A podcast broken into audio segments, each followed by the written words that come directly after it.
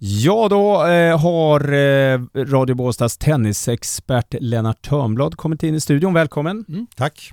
Ja, nu drar det igång. Nordea Open VTA. Eh, damerna ska köra igång första veckan. Eh, vad har vi ur svensk synpunkt där, Lennart? Ja, vi har en hel del svenska tjejer som är med här och eh, Rebecca Pettersson är ju den mest namnkunniga men även då ett koppel eh, duktiga tjejer som vi kanske inte är så välkända för den breda allmänheten. Jag tänker på Kajsa Henneman, Frida Östling, eh, Lisa Saar, Miriam Björklund. Så att eh, det finns rätt så stort eh, svenskt intresse från början i, i turneringen.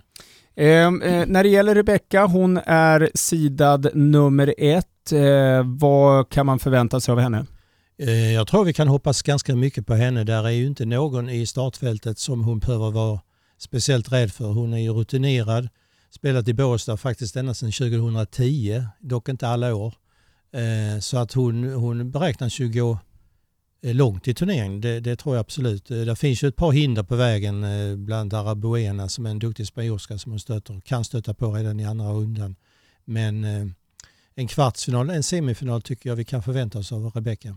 Ja men vad kul. Eh, det var ett tag sedan som vi hade svenskar längst fram eh, under VTA, vad jag minns i alla fall. Jag kanske har fel här.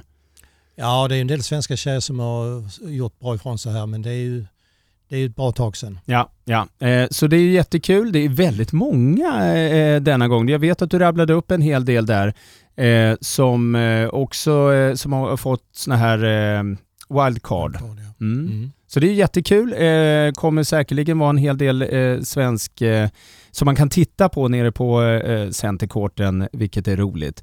Eh, redan på idag då eh, så sticker ju eh, eh egentligen eh, eh, Heneman ut lite grann som kör på centerkorten. Ja, det är ju en eh, väldigt duktig tjej som har kommit starkt på, på sistone och hon har engagerat Johanna Larssons för detta tränare Mattias Arvidsson som då kör med henne. Det borgar ju för att hon eh, får den allra bästa assistans att kunna utvecklas ännu längre, ännu mer i framtiden.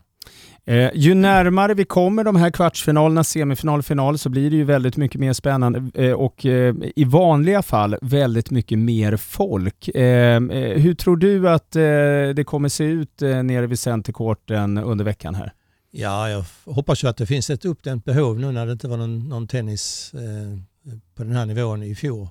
Eh, sen kanske folk är lite försiktiga, jag vet inte, man kommer bara släppa in 1400 vad jag förstått och eh, det är ju inte så speciellt mycket på stadion men eh, de som är riktigt intresserade, entusiasterna, de vill ju säkert komma dit och titta och framförallt då när Rebecka spelar tror jag, tror hon drar till sig mycket folk. Eh, och I vanliga eh, fall så kan du alltid lyssna på Radio Båstad för att höra det senaste vad det gäller tennisen. Eh, jag tackar dig Lennart för att eh, du kom förbi och eh, berättade lite grann och så håller vi givetvis tummarna här för Rebecka i veckan. Det gör vi, tack.